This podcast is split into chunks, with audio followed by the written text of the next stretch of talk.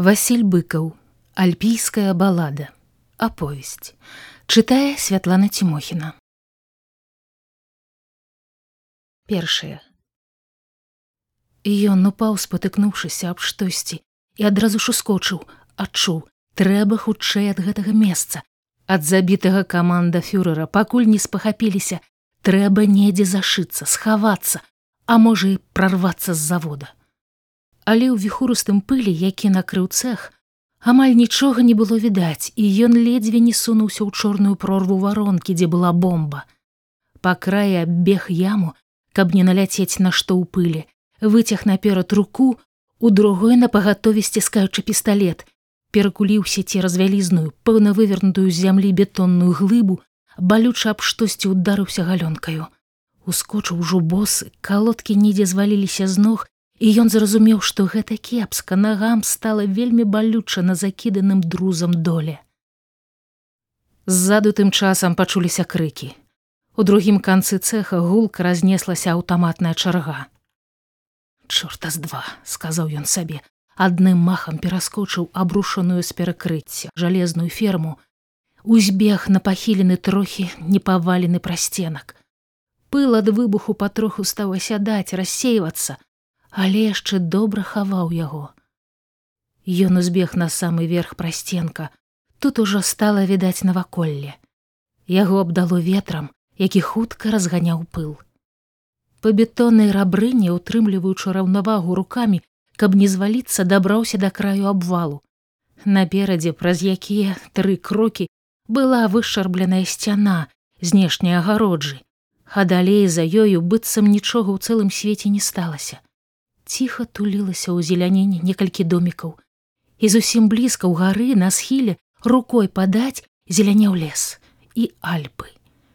Яго надзея. Яго жыццё або смерць яго лёс.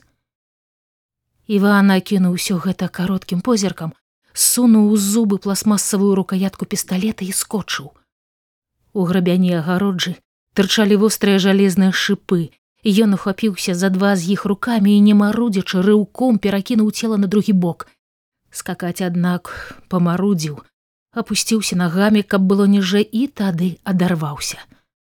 Ён упаў на быльнёг, перахапіў у руку пісталлет і з усяя сілы кінуўся па бульбоўніку ўздоўж высокай драцяной загародкі. Ззаду стралялі і крычалі.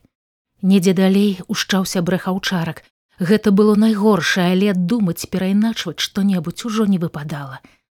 Некалькі куль правішчалі высока над галавой, і ён бегучы адчуў гэта не ў яго, яго яшчэ не ўбачылі. Раздзіраючы пальцы на босых нагах, пералез цераз сетку загарадзі і па калючай шлакавай дарожцы яшчэ хутчэй прыпусціўся далей, усё ў гору да блізкай ускраіны. Тым часам выбух бомбы ў цэху устрывожыў людзей. Збоку ад нейкага белага доміка з усіх ног беглі да завода два хлопчыкі. Яны на шчасце не заўважылі яго, і Іван шыбаваў далей. Але вось наперадзе з-за кустоў акацыі ледзьве не пад ногі яму сунулася дзяўчына ў квяцістай сукенцы з палівачкой у руках. У вачах яе бліснуў жах, яна ўскрыкнула і палівачка з бразгатам паляцела на дарожку. Ён моўчкі прамчаўся міма, выскачыў на шырэйшую скраінную вуліцу, зірнуў у адзін бок у другі, вуліца была пустая. Іван перабег яе, прадраўся праз калючы гушчар пасадкі і тады ўпаў. Наперадзе дамоў ужо не было. На касагоры неспакойна ляжаў някошаны лужок. У бязветранай цішы драмалі рамонткі, лагодна гойдаліся мяцёлкі нейкай травы. Далей вышэй у раўках і распадках пачынаўся лес. Над усім у спякотным чэрвеньскім небе тоўпіліся шызыя груды альпаў. Стрымліваючы шалёны дых, Іван услухаўся. Ззаду даносіліся крыкі і стрэлы, сталі гучней якатаць аўчаркі, але гэта там, на заводзе. За ім жа здаецца, не гналіся. Рукавом паласатыя курткі я нацёр з твару пот, што заліваў вочы, прыўзняўся, намячаючы палушку шлях у гору непадалёк прыкмеціў раўчук, што бліжэй падступаў да гарадка. Туды ж па крутым схіле збягалі зверху рэдкія на ўзлеску ялінкі, і ён ускочыў. Гэта было вельмі трудна, бо ногі сталі надзвычай непадатлівыя і вялыя, а цела налівалася ўсё большым цяжарам. На сярэдзіне схілу ён зноў азірнуўся. Сабачы брэх набліжаўся. Секанула блізкая чарга, але куль ён не пачуў, значыць, яшчэ не па ім, па іншых. Відаць, там разбягаліся.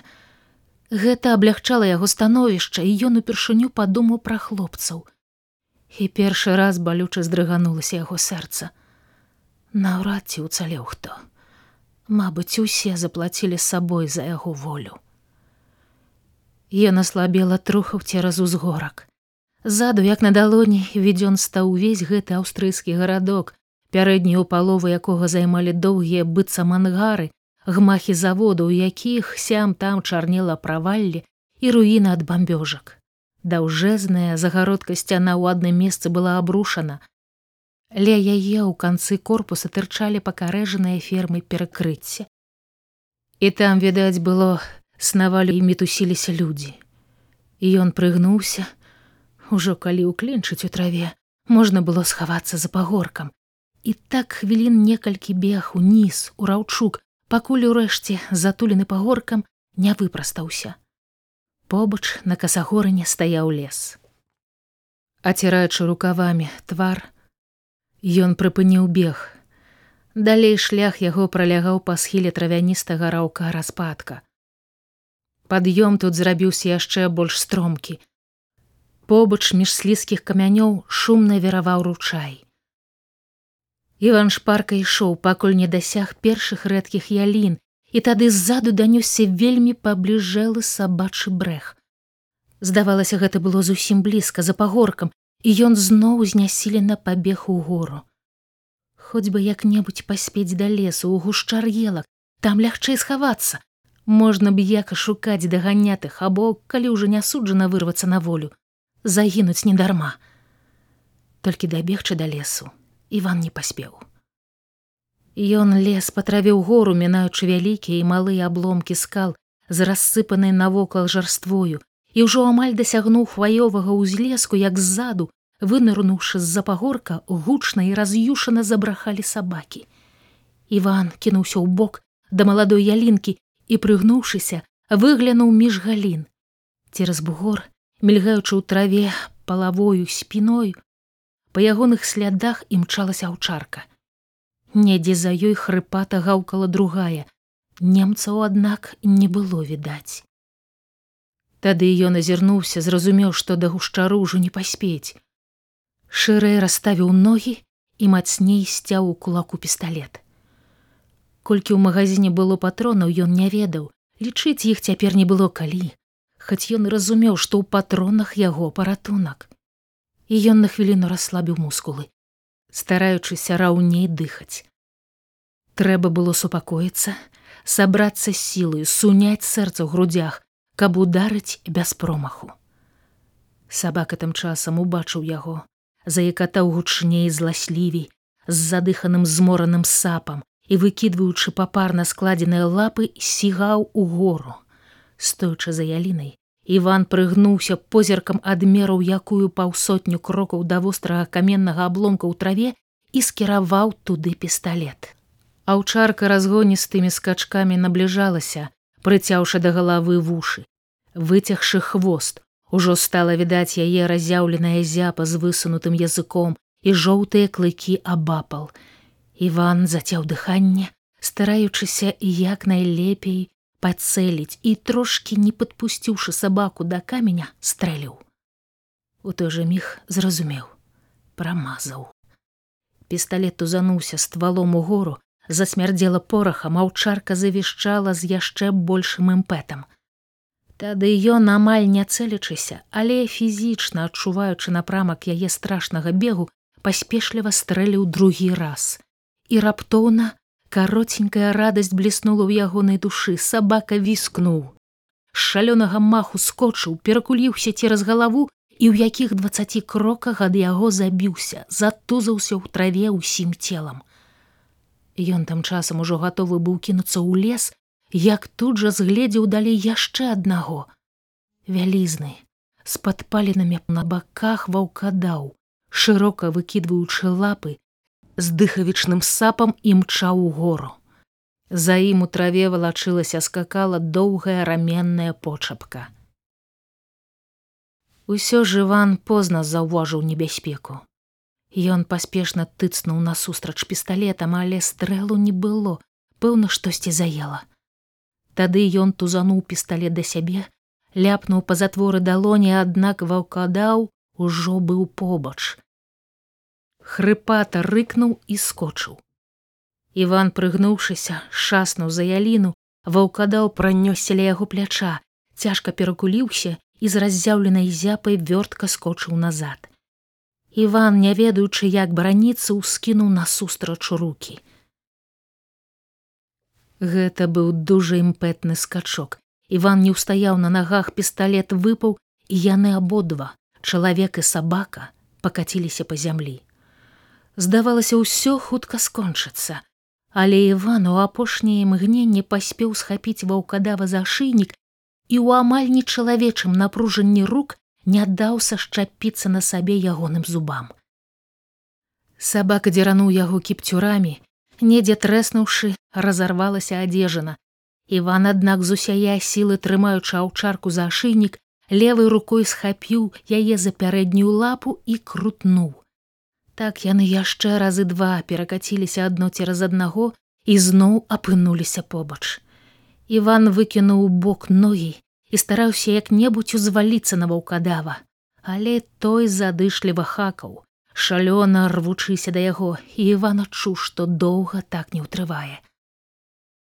Тады ён у апошнім рашучым намаганні, у якое сабраў увесь спрыт, вяртануўся на зямлі, злаўчыўся перакінуў цераз сябе сабаку, каб самому апынуцца вышэй і з усяе сілы даўлянуў яго каленам у скабіны.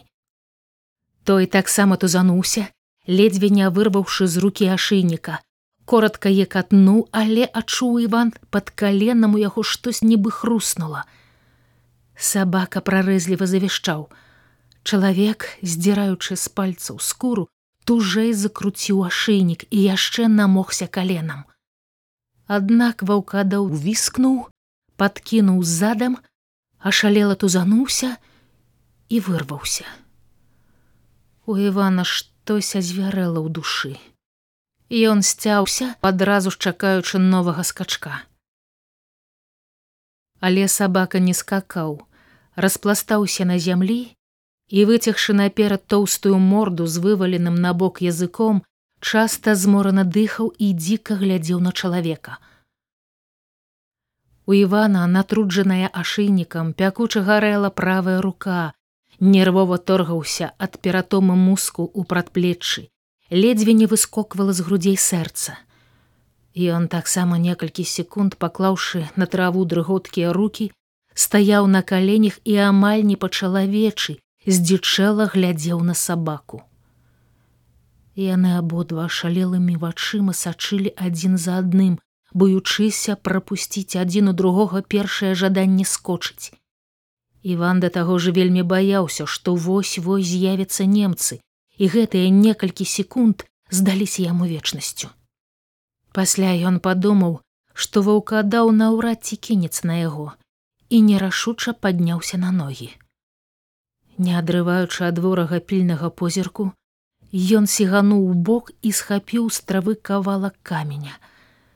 Ваўкадаў на тапырыў хрыбціну, удару па зямлі хвастом здалося скокне, але ўсё ж не скочыў, відаць, яму дасталося не менш, чым чалавеку, і ён ціхенька бяссільна катаў.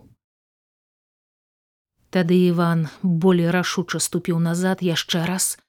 Ваўкадаў прыўзняўся, пасунуўся, почапка яго заварушылася ў траве, аднак ён не пабег і не скочыў. Іван, бачачы гэта яшчэ больш асмялеў і бокам хутка пасігаў у гору да яліны, дзе быў пісталет. Сабака заскавытаў ад бяссільнай ярасці, валочачы пакалечаны зад, аслабела прапоўз у траве і спыніўся. А чалавек ухапіў з травы браўнінг і зморана, наколькі дазваляла рэшта яго сіл, патрухаў па распадку ў гору ў яловы гушчар.